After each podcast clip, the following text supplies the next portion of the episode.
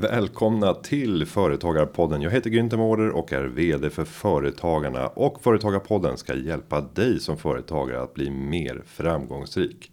Hur är det att lämna ett bra jobb för att starta eget? Och hur lyckas man sälja lyxprodukter på nätet helt utan egna butiker? Ja, i alla fall fram till nu. Det ska vi ta reda på i veckans avsnitt av Företagarpodden. Välkomna! Vi säger varmt välkommen till Viktor Halvarsson, vd och grundare av Van Brun som förra året utsågs till årets unga företagare i Västra Götaland. Det Boråsbaserade företaget grundades 2013 och säljer vigsel och förlovningsringar på nätet. På kort tid har de nått en omsättning på över 100 miljoner och nu taktar de 140 miljoner och utmanar på riktigt branschens jättar. Välkommen Viktor! Tusen tack, jättekul att vara här. Och det är ju häftigt att få se dig igen. Vi konstaterade att det var ungefär tre år sedan som vi var på plats i verksamhetslokalerna i Borås. Och sen dess har det hänt lite grejer. Ja, verkligen. Minst sagt, eh, på den tiden omsatte vi ju, ja, jag, jag tror vi sa runt eh, 25-30 miljoner. Eh, och ja, precis som du, du sa här eh, så är vi uppe och nosar en bit över 100 miljoner här. Så det är ju jättekul och det har hänt jättemycket under resans gång. Och för att förstå hur man kan kasta sig in i den här branschen. För det är ju väldigt speciell bransch att sälja vigsel, förlovningsringar och en del andra smycken också. Eller hur? Mm. Eh, vad gör att man kastar sig in i branschen? Eh, att man är ung och dum. Nej, men att jag tror att en eh, stor framgångsfaktor för oss alltid har varit att vi är naiva och jag är ganska naiv fortfarande i mitt mindset. Alltså det är bara att köra. Eh, och eh, det gjorde att jag en gång i tiden kastade mig in i det här och att vi fortfarande än idag kastar oss in i saker och ting som vi egentligen från början inte har någon koll på som inte ska gå. Och i många företagsuppstarter så börjar ju företagandet i ett verkligt upp, upplevt problem. Och vad jag har fått höra av dig så är det just ett sånt verkligt problem där du tyckte att ringarna var väldigt dyra när man skulle väl uppvakta sin respektive. Och det blev upprinnelsen till att du började titta på att starta upp ett bolag.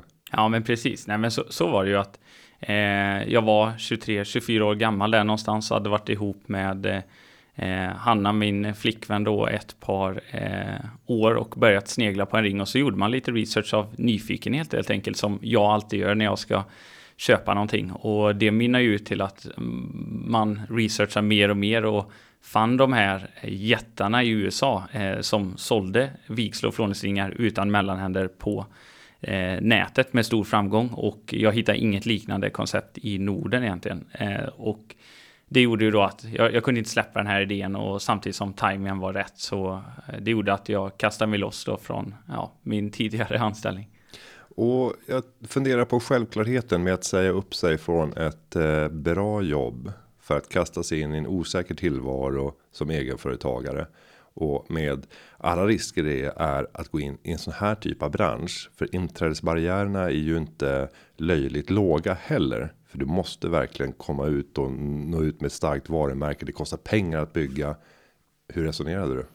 Nej, men jag, jag kommer nästan inte ihåg hur jag resonerade. Det är väl bra det, men eh, jag, jag, tror det grundar sig någonstans i att eh, jag kände att jag var på rätt plats i livet. Eh, jag var ung, eh, hade hunnit spara ihop ganska mycket pengar, men hade inga externa faktorer så sett att ta hänsyn till utom min familj och, och eh, så, utan jag Eh, hade all tid i världen eh, och jag hade mycket energi eh, och ja, men som sagt, jag hade hunnit spara ihop lite pengar så skulle det gå åt pipan så visste jag att det skulle inte vara så svårt för mig att få ett nytt jobb. Det var min inställning. Jag hade inga problem att ta vilket jobb som helst sen om det skulle gå åt pipan bara för att komma igång igen. Eh, så nej, men det var då att eh, alla stjärnor stod rätt eh, vid, vid just den tidpunkten. Jag tror inte jag hade vågat det på samma sätt om jag hade varit ja, drygt 30 som jag är idag här. Eh, så. Utan eh, det, det, var nog den här naiviteten som gjorde att man vågade kasta sig ut.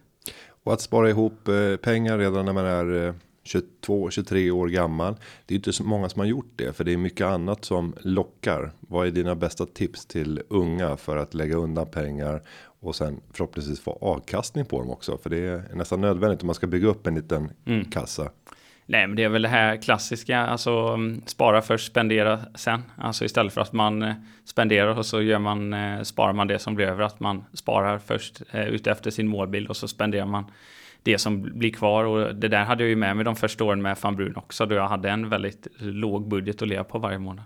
Och du var också aktieintresserad tidigt? Mm. Eh, från början, min, min, dröm var ju när jag var yngre att bli Gordon Gecko. Jag hade kollat på Wall Street 1 eh, och kommer ihåg ändå hur jag slogs av den här hur fascinerande den här hela finansvärlden var. Så det var ju det som gjorde att jag började plugga ekonomi på gymnasiet och sen eh, på Handels i Göteborg och plugga finans där, var med i eh, lite aktieföreningar och så vidare där och hade liksom siktet inställt på att bli eh, ja, men jobba på någon eh, eh fondförvaltare eller dylikt och sen på lång sikt starta upp en egen fond. Det var min absoluta dröm fram till jag kanske var 20, 21, 22 och jag var helt inställd på det. Och den möjligheten är ju inte stängd. Du är fortfarande ung. Nu har du byggt ett framgångsrikt bolag. Om du tittar på Fanbrun, hur självklart är det att du ska äga det här företaget även om eh, låt oss säga 15 år? Mm. Eh, nej men vi har ju fått jättemycket propåer genom åren eh, och så fort det kommer någon nyhet om oss, alltså att till exempel om nu omsätter vi 100 miljoner så står det på ehandel.se. Eh, då är det tre, fyra olika profiler som skriver till en på LinkedIn som jobbar på Eh, diverse investmentbolag fokuserar på vår typ av företag. Så det är klart att då ställs man ju på den frågan, eller ställs man inför den frågan ganska skarpt.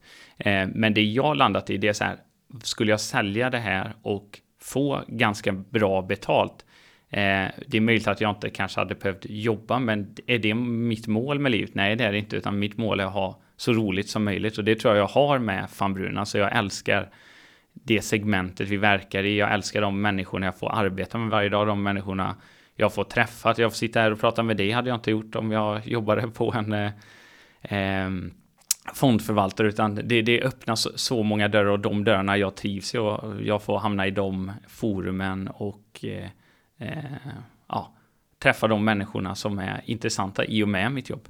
Och jag tänker att vi ska ta ett steg tillbaka och titta på van Brun och förstå vad är det ni erbjuder som gör att ni kan få den här tillväxten.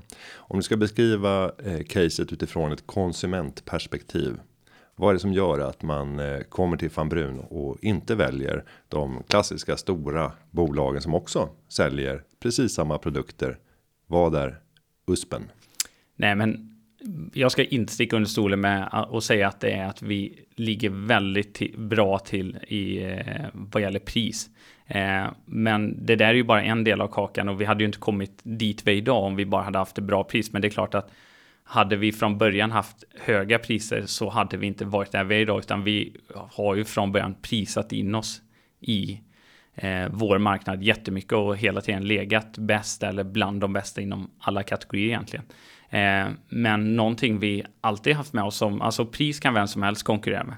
Men eh, det, det som verkligen är våran USP skulle jag säga, det är våran kundservice, hela vårt erbjudande att vi om du handlar av oss så har du öppet köp, du har fri justering på ringen om den blir, det blir fel storlek på den. Du kan låna hem ringar kostnadsfritt, du kan byta, du kan, ja, och vi har nog bland alla e-handlare i hela Norden skulle jag säga, om du går in och kollar vårt betyg på Trustpilot eller på Google Reviews eller Facebook så har ju vi, jag har aldrig sett någon e-handlare som har högre kundbetyg än vad vi har och det är ju ett kvitto på att vi gör någonting bra varje dag, att vi verkligen ger allt för kunden.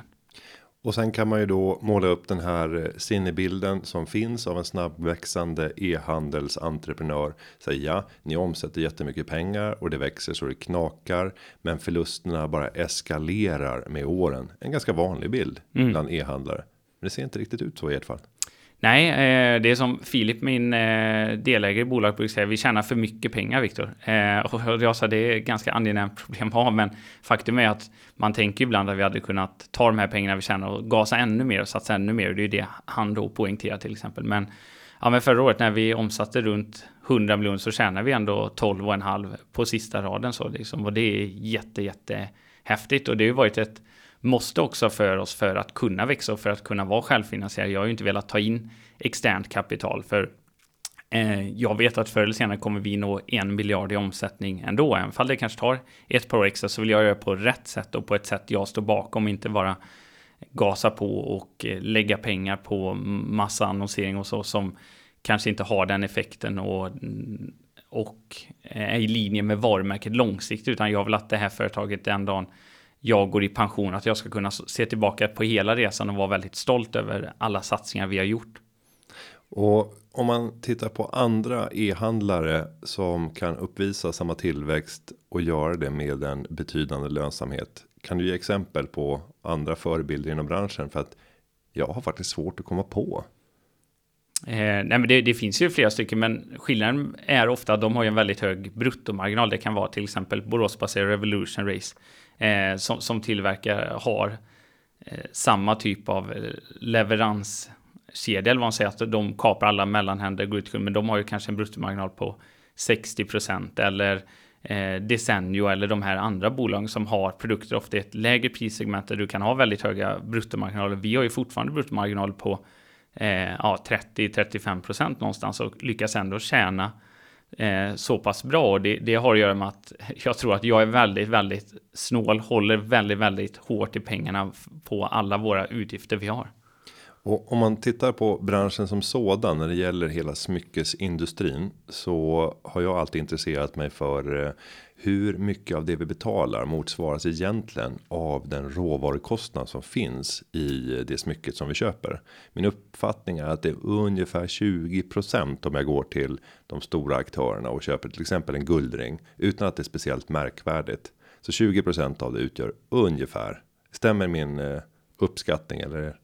Ja, eh, sen, sen, kan jag tycka att det inte är en eh, rättvis eh, syn på det eller vad man säger. Men det, det, är självklart att det är så, alltså precis som om du går in på Louis Vuitton och köper en väska så har jag hört någon siffra att det kostar dem 200 kronor att tillverka den och de mm. lyckas sälja den för 10 000 kronor. Eh, så jag tycker att det finns väldigt många andra produkter som har en betydligt eh, högre diskrepans mellan eh, ja, råvarukostnad och det kunden faktiskt betalar. Det går ju in väldigt mycket eh, handarbete i till exempel nästan alla diamanter än idag slipas ju till stora delar för hand. Alltså det är ju inte så att man bara slänger in den i en maskin och så spottar den ut den sen och så är den plötsligt värd fem gånger så mycket utan det är väldigt mycket tid och arbete bakom. Ja, och det jag vill komma till. Det är också tiden och allt arbete som krävs för att bygga ett varumärke som gör att man kan ta betalt för allt det hantverk som görs för att vi kan gå åka ut till vilken bygdegård som helst i, i landet och köpa virkade dukar eh, och så köper vi en virkad duk för 300 kronor och det har tagit 30 timmar för en äldre dam att, att virka ihop den här. Eh, så det finns ju andra delar av ekonomin där man inte riktigt får betalt för, för det hantverket. Så det krävs ofta väldigt massiva marknadsinsatser för att komma upp och kunna få bra betalt. Hur tänker ni rent marknadsvis för att positionera er och ta lägre betalt helt enkelt? Det är ju inte, det är ingen lätt ekvation. Nej, nej, men det, vi, vi är ju mitt inne i ett skif, skifte just nu. Alltså om, om jag skulle gå ner på stan och fråga känner du till van Brun så skulle en majoritet säga nej. Och det är ju väldigt tråkigt i och med att vi ändå är ganska stora. Eh, och de som har hört talas om oss, det är folk som har eh, gift sig eller förlovat sig och researchat marknaden eller kanske rent av köpt en produkt av oss. Alltså vi har ju en väldigt stor marknadsandel, marknadsandel på flånings och vigselringar. Vi uppskattar den till mellan 5 till 8 procent någonstans av alla ringar som säljs i hela Sverige. Eh, men där vill gå och göra ett skifte från att man kommer till oss för att vi erbjuder mest värde eh, i förhållande till vad du får givet det du betalar till att du ska komma till oss för att vi erbjuder något unikt, alltså ungefär den resan som ja, men både Cartier och Tiffany i vårt segment har gjort. Båda de två börjar faktiskt sälja eh, ja, men silverbestick och den typen av produkter för 150 år sedan. Så det har ju tagit dem 150 år att göra den varumärkespositioneringen. Vi försöker göra den resan kanske på ett par år här nu bara och precis dragit igång en jättesatsning på det och ta fram ett unikt kund eh, eller ett unikt eh, produkterbjudande där vi liksom du köper varan för att du vill köpa den från fanbrun inte bara för att den är väldigt bra prissatt i förhållande till typ vad du får. Sen om man då beskriver sig själv som som snål, vilket du gjorde eh, och jag tror egentligen att vi båda skulle säga ekonomisk om varandra, eller hur? Inte snål. Nej, snål har väl kanske lite taskig klang, men jag, jag tycker att man kan, eh, man kan säga om sig själv att man är snål. Snål mot sig själv, generös ja. mot andra, ekonomisk i största allmänhet. Men då sitter jag och leker med, med tanken, hur gestaltar sig det i en sån här typ av business? Och då skulle man kunna tänka att allt rakt igenom är det lägst prissatta. Eh, sen ska man ju ändå leverera en, en ring i vitt guld eller guld eller platina, vad det nu kan vara. Eh, men riktigt så är det inte. Jag vet när jag har sett vad ni skickar ut för paketeringar i de här ringarna att det där såg inte ut att vara gratis. Mm. Nej, men det stämmer ju. Om du köper en ring eh, från oss för 100 000, då handtillverkar vi boxen. Eller vår tillverkare gör det utanför Paris. Den kostar ju 800 kronor inköp eh, helt i läder och super, ask, super. för asken? Ja, för mm. asken. Mm. Och det är ju inte den billigaste asken man kan hitta. Eh, men det är som så att allting som inte skapar kundvärde, där är vi väldigt, väldigt ekonomiska. Eh, och vi, vi inte snåla mot människorna som jobbar på Fanbrun, för det är de som gör kundupplevelsen. Så det är jätteviktigt att ta hand om sina anställda, betala dem bra löner och ge dem de bästa förutsättningarna för att ge en bra kundupplevelse. Men till exempel, ja men de brukar skoja, men när vi köper mjölk till kontoret, då köper vi sån här Oatly som är supermodernt nu. Ja, då kommer en pall bara för att vi får eh, bra pris på den. Jag sa nu, såg att kaffet hade gått upp 30 procent. Year on year var den varan som hade ökat mest. Eh, bland alla matvaror. Då blev jag glad. Så här tänkte jag, vi har ju en superinvestering här, för jag köpte ju på mig kaffe för flera tusentals kronor förra sommaren som fortfarande vi har här. Så det är liksom den typen av köp jag gillar att göra. Att vi, vi ska pruta på allting vi köper. Liksom. Alltså igår när jag ringde eh, till hotellet och vi skulle boka det, då går jag inte bara in på hotellet, då ringer jag till hotellet och frågar, så, men vad, kan du göra bättre pris än det här? Och bättre, ja, men lite bättre kan du göra. Och sen ja, kan du slänga på en uppgradering med. Ja, det fixar vi. Och den där mentaliteten är ju ganska svår att få ut i början, men sen blir det en del av alla personers DNA på företaget, att vi prutar. Så om vi ska ha en fotning och mm, någon tjej ska springa och göra naglarna inför fotningen. Ja, men då, då prutar de på det. Det kan vara 50 kronor. Alltså bara så att man har det mindsetet hela tiden. Och då kan de hela tiden. Jag har sagt det, låt mig vara slagträ. Skyll på mig. Säg att min chef säger att ja, vi måste pruta hela tiden på allting. Ja, men det där är, är bra. Och jag tänker på hotellstrategin där. Det kan väl vara dagens spartips. Att när man är, är ute och reser och går på alla de här sajterna som förmedlar så får ju de ofta ganska kraftiga provisioner som lägst är väl 10 som högst är det 30 mm. i provision. Så de priserna som du ser som ofta kan vara ganska attraktiva. Ja, i, i själva verket så får ju hotelloperatören mycket, mycket mindre mm. än det du betalar. Att då höra av sig direkt och säga att jag har hittat det här priset. Jag köper hellre direkt av er mm. istället för via mellanhand. Eh, och den där uppgraderingsfrågan avslutningsvis tyckte jag var snygg. Kostar ingenting extra för hotellet. Det står ett ledigt, lite bättre rum. Mm. Ja, där, den ska jag köra lite oftare. Ja, ja men det, det var härligt. Man kom, kom upp till Stockholm här igår. Ja. Och om vi ser till din bakgrund och, självklarheten med att bli företagare. Man säger att företagsamheten den är smittsam och du har företagande i blodet. Ja, nej, men både min eh, farfar hade ett eh, bolag uppe i Lycksele där, där min pappas sida är ifrån som heter Halvarssons Motor. Eh, och sen så drev min pappa en mängd olika företag när han levde och eh, så länge han levde så han involverade mig enormt mycket i, i företagandet. Alltså så länge jag kan minnas när jag var 6-7 år så satt jag och på eh, tändsticks tändsticksaskar och, och klistrade på eh, nya logotyper och grejer och det var hela tiden saker jag fick hjälpa till med och han när vi åkte hiss och höll han för skylten och kunde säga är det Otis som kör den här hissen eller är det Schneider? Alltså så att man får in det tänket att man är nyfiken hela tiden och, och att man har med sig den här nyfikenheten och det är ju någonting som är min största tillgång idag skulle jag säga att man är så otroligt nyfiken. Vad tror du det gör med ett eh, barn som växer upp under sådana förhållanden där det blir väldigt affärsorienterat och man hela tiden funderar över företagande. Och... Ja, nej men alltså det, det handlar väl om att vara det, det behöver inte just vara företag. Det handlar bara om att man är nyfiken på saker och ting. Det kan vara att man är nyfiken på människor, att man Eh, ja, men om jag ska åka upp till Stockholm och bo på hotell, att man researchar mycket, att man inte tar första bästa. På, på samma sätt är det ju när man letar aktier, att man inte bara går in och klickar eh, hej vilt och köper några, utan att man gör sin research. Och det där har jag ju med mig i vad, vilket beslut jag än tar idag, att jag researchar väldigt mycket, att man har den här nyfikenheten eh, med sig och eh, ja, man brukar ju säga man, man blir som man umgås och man blir ju liksom en, ett tvärsnitt av de människorna som man umgås mest med. Och jag umgicks ju när jag var yngre mest med min pappa. Och jag tänker på just den här nyfikenheten och research eh, eh, viljan som ständigt finns närvarande tror jag både hos dig och hos mig. Ibland så kan man ju ta ett steg tillbaka och fundera över. Är det här verkligen rationellt? Är det ett tillräckligt stort beslut?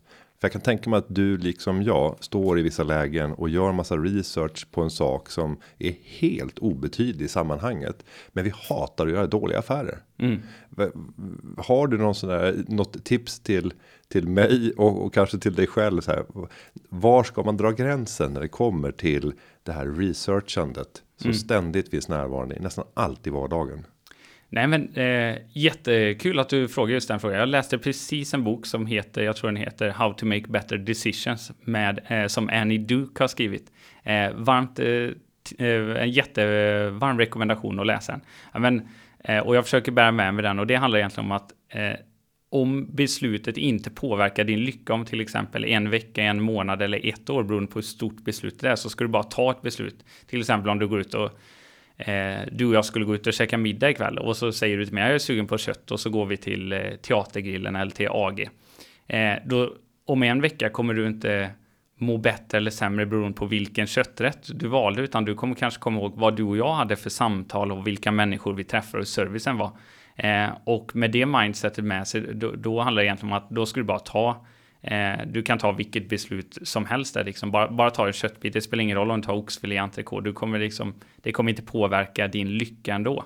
Eh, och, eh, så, så, det försöker jag bära med mig, för jag kan precis som du beskriver här, alltså researcha oändligt. Om jag ska köpa en kratta så kan jag ibland gå in mm. och söka, ja, men är det fiskars eller är det nilfisk jag ska köpa här? Eh, men då försöker jag landa i så här, det kommer inte påverka min lycka om en månad eller om en vecka vilken kratta jag köper, utan bara åka och köpa en där det är billigt. Fast nu säger du någonting som stör mig och det är ju att när det är fysiska ting så mm. finns de kvar där som en påminnelse, en ständig påminnelse. Och skulle jag då läsa i råd och rön eller någon, någon, någon test i någon tidning att jag köpte fel kratta till ett pris som var lika högt som jag hade kunnat få en bättre kratta så kan jag fortfarande störa mig på det när jag ser de här produkterna. Det är en annan sak med köttbiten som vi hade gått ut och ätit för den kan jag inte se i efterhand. Den är borta och då är det lättare att förtränga det. Eh, har du något sånt här störningsdrag som jag har? Eh, ja, absolut. Eh, det, det kan ju vara om man bokar resor och så ser man att det kommer upp en annons. Sen, ja, nu är det billigare här och så har man bokat det i avbokningsbart eller någonting sånt. Men, men, eh, men, den är ju också borta efter att resan är gjord. Så kommer jag inte bli påmind om den ett år och två år senare. Men det blir jag ju med krattan. Mm. Nej, det, det, det draget har jag nog inte. Utan eh, där, där tänker jag att jag tog det bästa beslutet i stunden som jag kunde göra. Och det är klart, då kanske det här krattan då påverkar din lycka Eh, på ett eh, negativt sätt om du inte researchar ordentligt. Och då, då säger ju till exempel den här boken då att då ska du researcha till, eller tillräckligt mycket så att du kan fatta ett beslut så att det inte påverkar din lycka. Och jag har ju min största glädjespridare i hemmet, eh, icke-mänskliga ska jag då lägga till. eh, det är ju min soffa. Och inte för att det är den, den bästa eller den vackraste utan för att jag har fått betalt för att hämta den här soffan från en annan person som la ut den på TipTap gratis först. Men sen var det ingen som kom och hämtade den så slängde de på 350 kronor för att komma och hämta soffan. Så jag har alltså blivit professionell inredare. Professionell, det är ju när man får betalt för någonting och jag har alltså inrett och fått betalt i mitt hem. Men den där ger ju mig en oerhörd tillfredsställelse, även om det är helt ekonomiskt irrationellt. För tänk om jag hade fått en samma soffa bortskänkes, vilket de försökte med först, så hade jag inte känt, känt samma njutning. Och 350 kronor, det spelar ingen roll i min vardag, men bara att jag har fått betalt för den skapar en känsla. Har du de här störningsmomenten i dig som jag beskriver nu? Ja, 110 procent. alltså så är det med jättemycket. Det kan vara att, eh, ja, men att man eh, råkar få med någonting eller att eh, ja, att man har kommit över någonting otroligt billigt eller någonting som står på kontoret eller hemma. Då, då mår man bra varje gång man går förbi det. Det ständiga påminnelsen. Mm. Men om vi ska förstå den bakomliggande produktionen. För att nu fattar vi att ni säljer väldigt mycket ringar. En del annat också. Mm. Lite örhängen, mm. lite andra typer av smycken. Om vi ska prata hur stor businessen är i de olika delarna. Delar ni upp det på något speciellt sätt för att beskriva olika segmenten? Mm. Nej, men vi har ju de här eh, bröllopsrelaterade smycken och då är det ju vigsel och flåningsringar. Eh, och sedan har vi smycken. Mm. Man kan ju säga att det är de två olika produktsortimenten där egentligen. Eh, och från början var ju den bröllopsprodukterna eh, var ju 100% från början. Sen krymper ju den andelen varje, varje dag i relation till de övriga smyckena som växer då hela tiden. Och vi vill ju på lång, lång, lång sikt vara nästan mer ett smyckesvarumärke än ett vigsel och flåningsringsvarumärke som vi är nu.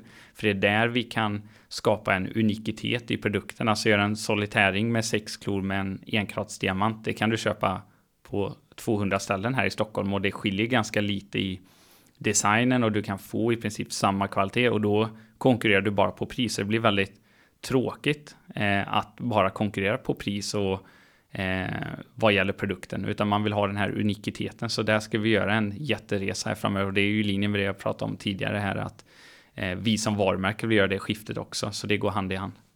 Och pratar man om vigsel och förlovningsringar så är det rätt sällsynt att man ser några varumärken på den typen av produkter. Däremot när det gäller smycken så börjar det bli mer och mer vanligt att varumärket kan vara själva smycket. Alltså de, de absolut skickligaste varumärkesbyggarna lyckas ju smälla upp sin logga eller sin symbol så stort det bara går på smycket och, och ju större desto bättre. Är ni intresserade av att göra den resan i ett varumärkesvis så att man ska gå runt och verkligen känna att wow, titta, jag har en fanbru, ett fanbrunsmycke. Mm, verkligen.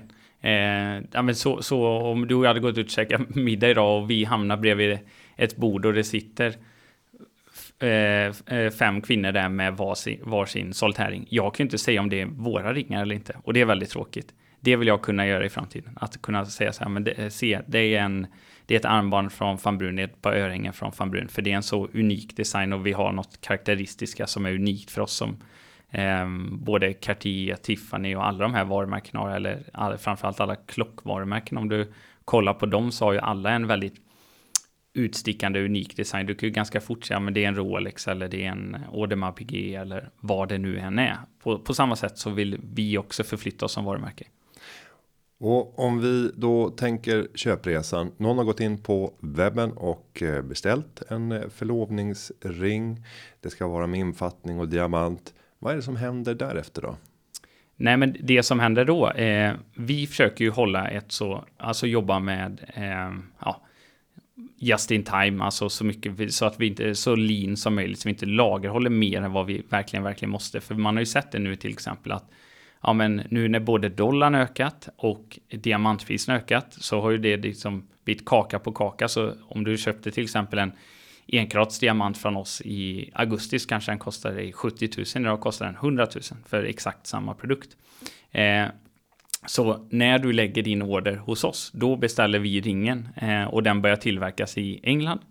Eh, vi har ofta um, en del diamanter hemma, men annars beställer vi hem diamanten unikt till dig.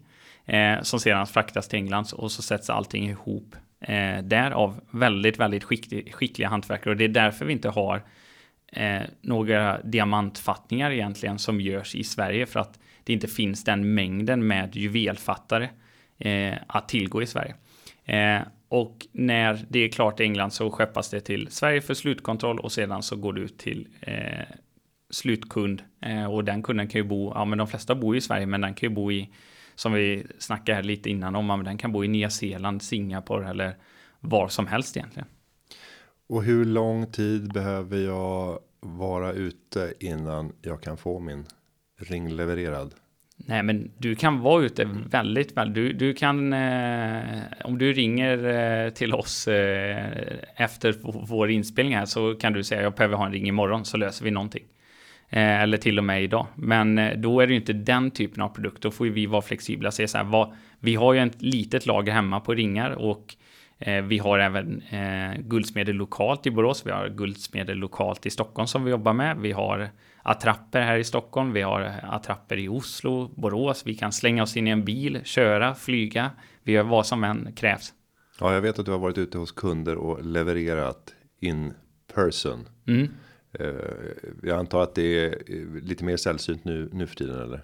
Ja, tyvärr måste jag säga. Det är ju fantastiskt roligt. I fredags så hade vi en eh, stor beställning på drygt 100 000 som eh, ja, var tvungen att gå iväg för kunden skulle fria som i ja, lördags då. Och så passande nog så slogs TNT och Fedex system ihop förra veckan så alla deras eh, paket nästan eh, fastnade runt om över hela världen. Så vi fick nästan inga leveranser förra veckan och då blev det lite så jag bara hoppas jag får köra nu på fredag.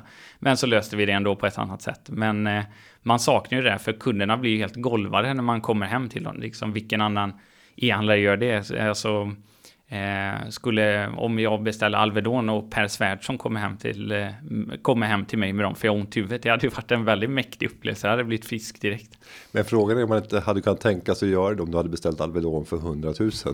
Ja, nej, men det, det, är klart att det är så. Men ibland kan det vara en ganska, vad ska man säga, alltså i sammanhanget billig produkt också, givet den efforten vi ger. Mm. För man har ju sett det, till exempel det som du som konsument kännetecknar som bra service det är inte att vad du får, utan det är den efforten företaget visar. Så det är inte resultatet alltid som är viktigast, utan det är efforten du lägger ner där. Så liksom köper du en ring för 12 000 och vi flyger till Stockholm som eh, vi hade en tjej Alma som flög upp till Stockholm eh, och istället för att ha uppesittarkväll med familjen så åkte hon runt och var jultomt där i Stockholmsområdet med alla smycken och åkte runt eh, och levererade ring efter ring och örhängen och sånt. Det, några timmar innan julafton skulle dra igång. Ja, häftigt. Eh, du har ju nu under inne på ditt nionde år och driver e-handelsföretag. Jag kan tänka mig att du känner att du byggt upp kunskaper under den här resans gång som gör att du ser andra möjligheter i andra branscher där man ligger efter när det mm. kommer till att utveckla upplevelsen e-handelsvis. Vilka områden är det som du skulle känna här skulle jag hade jag hade kunnat tänka mig att engagera mig i det här fältet. Men så misstänker jag också att svaret på nästa fråga är nej, det är, jag ska fokusera på det jag gör bäst och bygga det här så stort som möjligt. Men vilka är de där? Ja, nej men, nej men det, det är ju, det är såklart man har börjat med det här så kan man ibland tänka, men gud vad bra de har det och vad bra de har det. Men det som jag gillar med den branschen vi är i, det är ju att vi har väldigt låga returer. Att när du köper en produkt av oss, då är du väldigt committed. Det ska mycket till för att du ska lämna tillbaka den där ringen. Eh, och kollar man på andra branscher som har samma egenskaper så är det ju ofta att det är custom made produkter. Eh, så jag hade gett mig in någonstans där du skräddarsyr en produkt ut till kunden. Till exempel jag ehm, eh, pratade med de som startade Nordiska kök för ett par eh, veckor sedan när vi var på en eh, hamnade jämte dem på en middag och de har en klockren frukt, alltså du bygger ditt platsbyggda kök.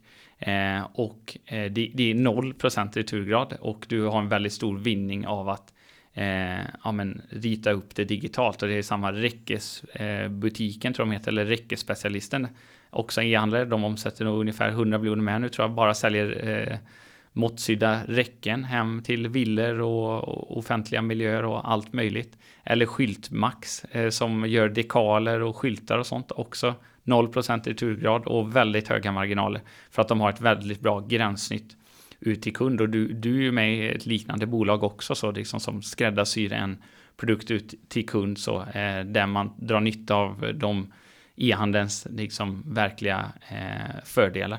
Mm. Ja, nu nämnde du två, två, av tre bolag som du nämnde är sådana som jag haft på kornet och velat vara investerare i. Jaha, eh, mm. Det kanske fortfarande inte är för sent, men eh, framförallt Skyltmax har ju kommit oerhört långt.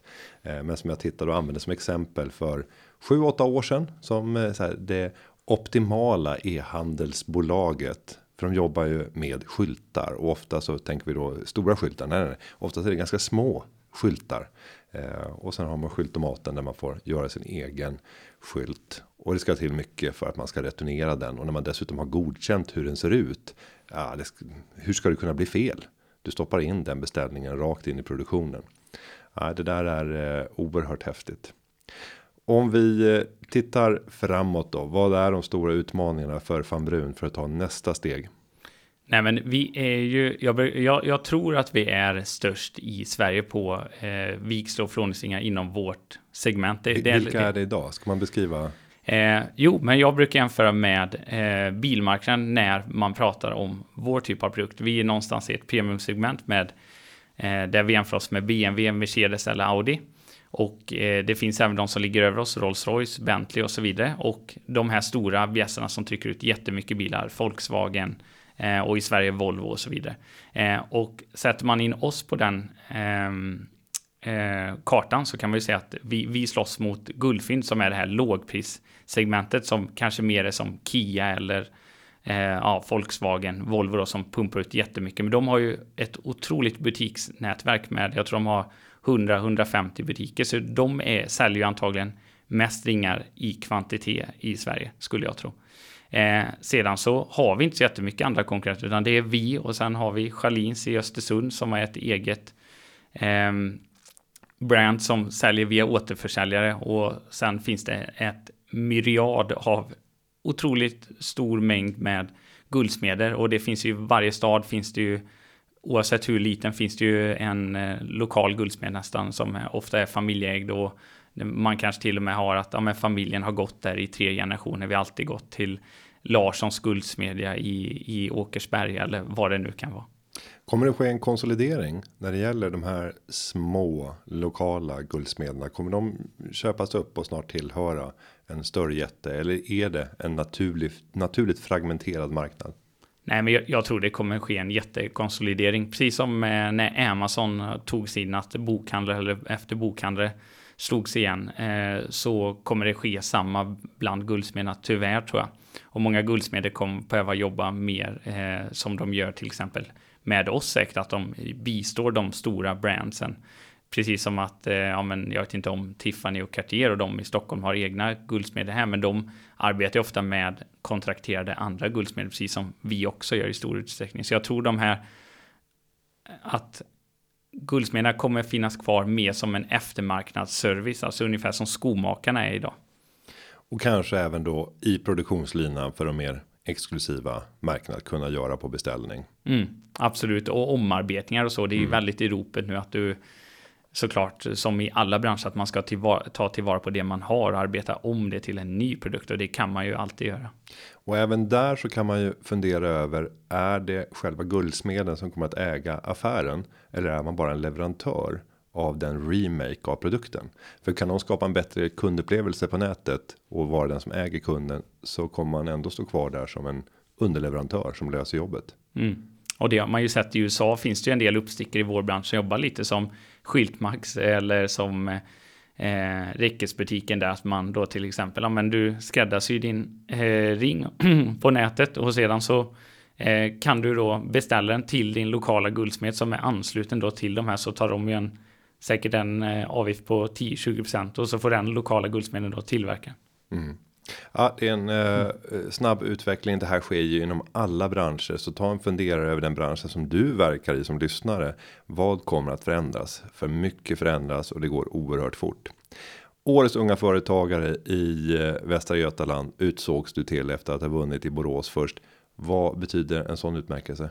Nej, men det är eh, alltid jättekul och få den typen av uppmärksamhet och jag tycker det är ett kvitto på att det man gör varje dag och det vi som företag gör varje dag faktiskt eh, ja men får, man får liksom en klapp på axeln och, och, bra jobbat så. Det, det kan bli vara lätt att när man som ledare och vd i ett företag kanske inte får den typen av uppmärksamhet från någon annan. Alltså jag försöker ofta vara väldigt positiv och pusha mina anställda. Så jättebra jobbat och grymt nu slog vi all time higher, alltså kom igen nu, men jag har ju ingen som jagar på mig där, så det är ganska skönt att få den här externa, eh, vad ska man säga, klappen på axeln helt enkelt.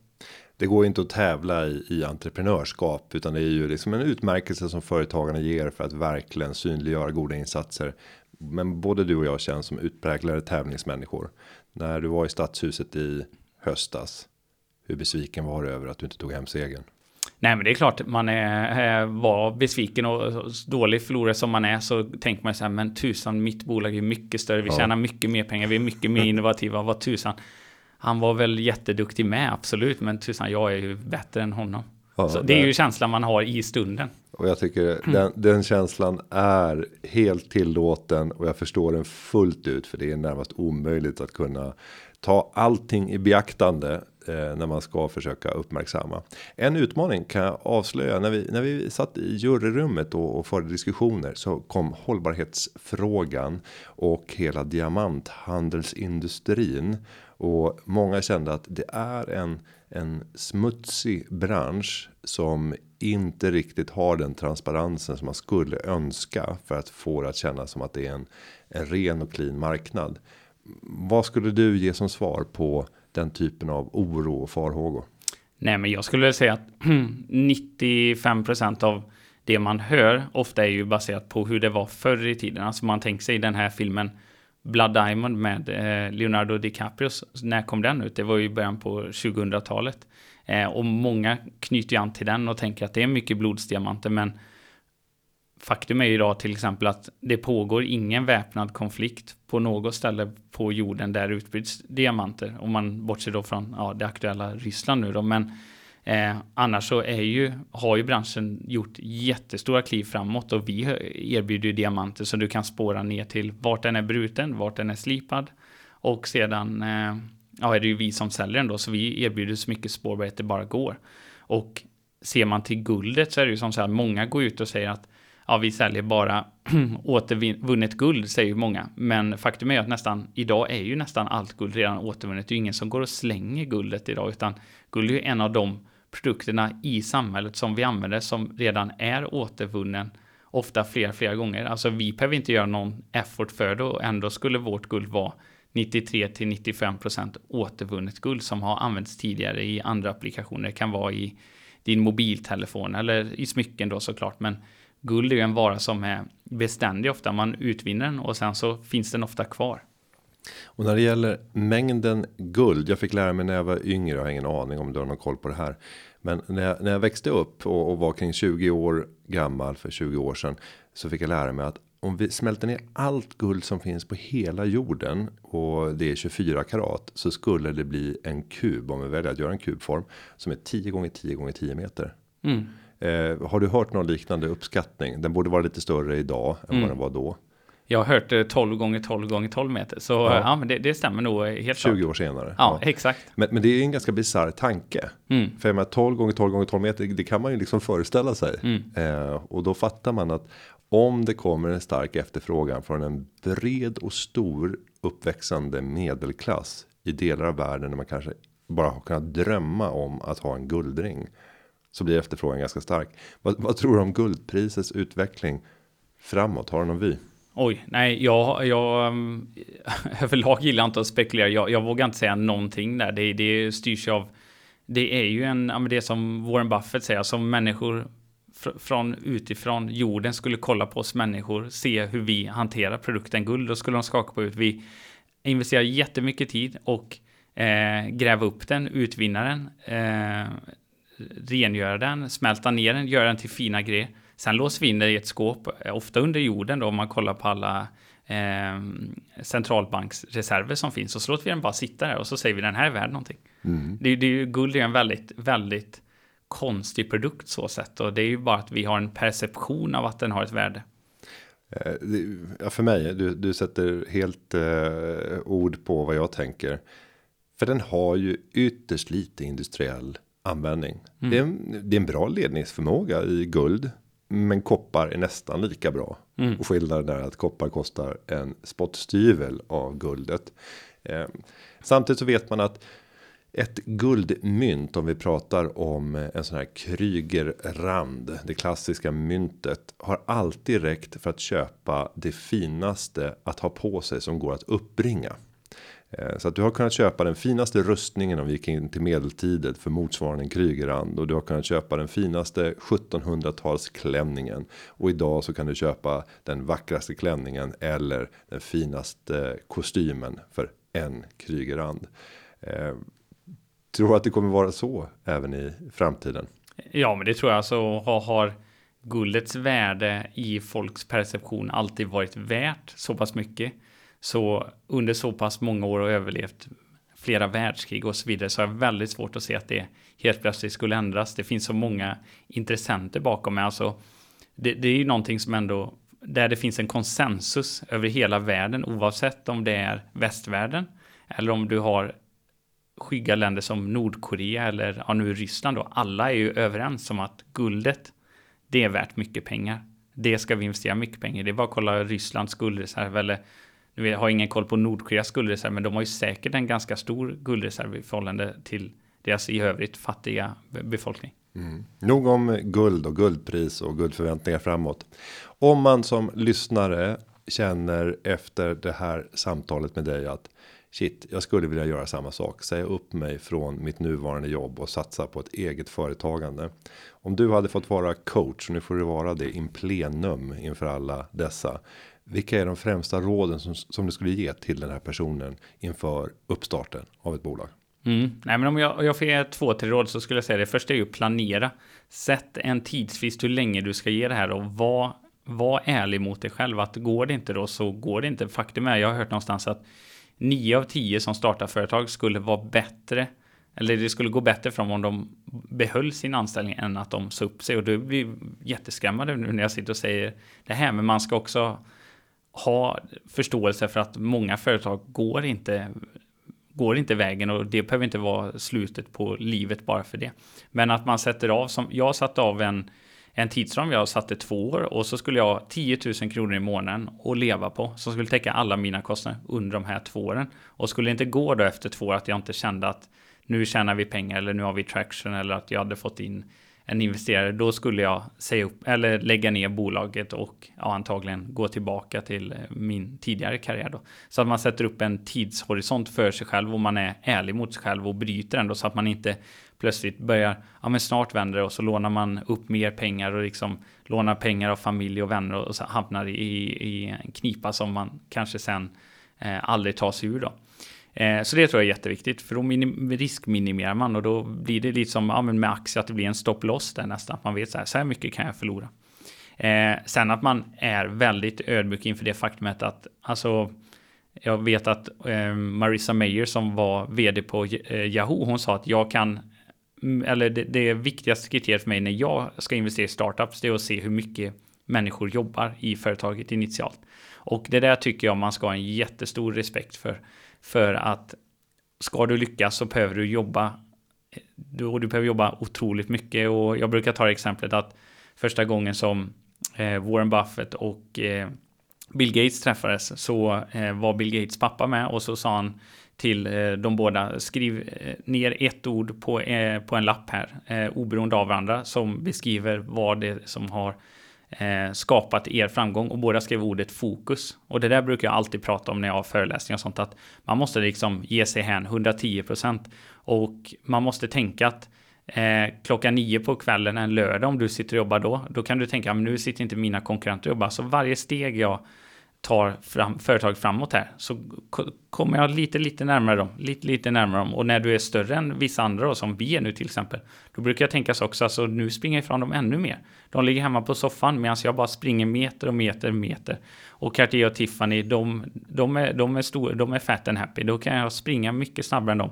Och det kommer inte ta två år och det kommer antagligen inte ta 20 år, men om kanske 40-50 år, då kanske jag är kapp dem och förbi dem. Så jag tror man måste lägga ner jättemycket tid. Och när du pratar om ett sånt perspektiv 40-50 år. Det låter som att man måste ha uthållighet. Ja, absolut. Eh, och att man, ja, men, det är klassiska, man, man faller ju upp och, och man, man, kommer ju stöta på 500 motgångar. Men faktum är att vindrutan är ju så mycket, mycket större än backspegeln. Att till exempel nu när jag sitter här idag och det känns som en självklarhet att vi omsätter 100 miljoner och så, så jag har ju gråtit så många kvällar och varit helt knäckt och tänkt bara jag skiter i det här. Det, det är, jag ångrar mig. Varför gav jag mig in i det här? Eh, men man måste ju ha en grundinställning av att det kommer gå och nu, nu, nu tar vi nya tag. Nu kör vi. Ja, ni har själva. Det behövs eh, en del mod. Det behövs planering. Det du sa också tidigare att det är bra att ha ett startkapital också för att inte känna den ekonomiska stressen i inledningen mm. av intervjun. Riktigt bra tips. Och med det så skulle jag vilja säga stort tack Viktor för att du kom till Företagarpodden. Underbart att även få träffa dig här i det här formatet. Tusen tack, jättekul att ha varit med. Och för dig som är nyfiken eh, på van Brun och Viktors resa så kan jag ju tipsa om det vd möterbesöket som vi hade i tidningen Företagaren. Det ligger uppe en gammal historisk beskrivning, men som kan vara rolig att eh, ta del av nu när man vet också en del av faciten som kom de kommande åren efteråt. Gå in på företagarna.se. Där finns också ännu mer information och kunskap att hämta för dig som drömmer om att ta klivet och bli egen företagare. Klippningen av den här podden är gjord av Petra Chu och underlaget är förberett av David Hagen. Vi hörs igen nästa vecka. Tack för att du har lyssnat. Hej då!